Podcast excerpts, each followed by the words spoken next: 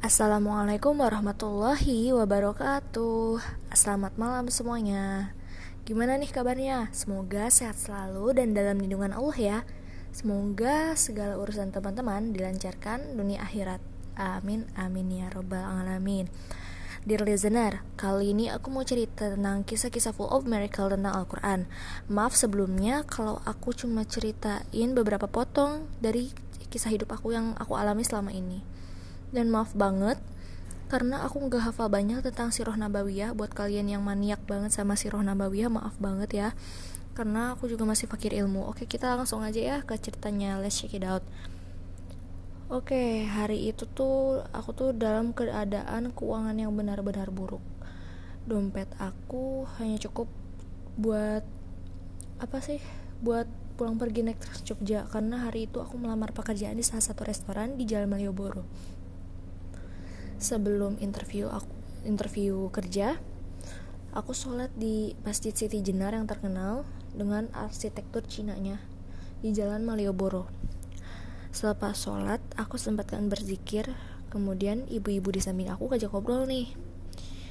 Uh, beliau nanya, asal mana dek?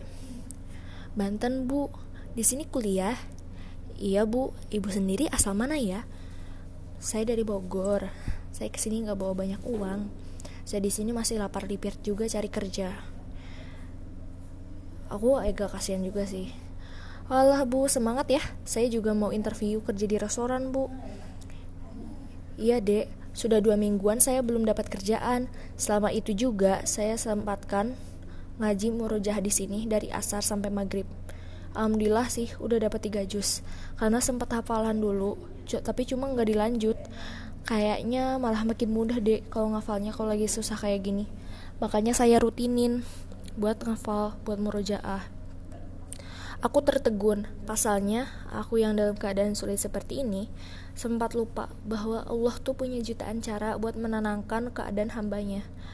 Aku merasa malu sama diriku sendiri yang makin bertambah umur makin lupa diri yang dulunya itu punya cita-cita bisa one day one juice ke mana? Yang ingin hidup di lingkungan Qurani ke mana?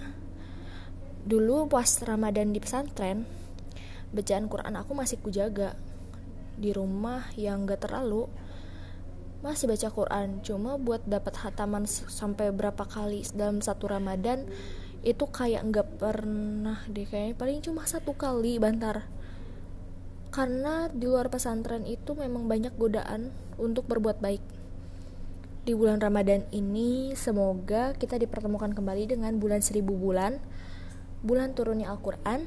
Dan pesanku ya teman-teman kalau bisa Ramadan nanti jangan cuma hatam sekali. Kalau bisa berkali-kali karena semua kebaikan di bulan Ramadan akan dilipat gandakan Mari sambut Ramadan, mari sambut Lailatul Qadar, mari sambut hari kemenangan. Dear listener, sepertinya sekian dulu podcast kali ini. Semoga bermanfaat. Terima kasih telah menjadi pendengar setia Minus with the Queen. Dan bagi kalian yang ingin mengajukan kritik, saran, serta pertanyaan bisa disampaikan langsung ke akun Instagram @divto baik di kolom komentar maupun via DM. Syukron. Kamsahamnida, arigato gozaimasu. Wassalamualaikum warahmatullahi wabarakatuh.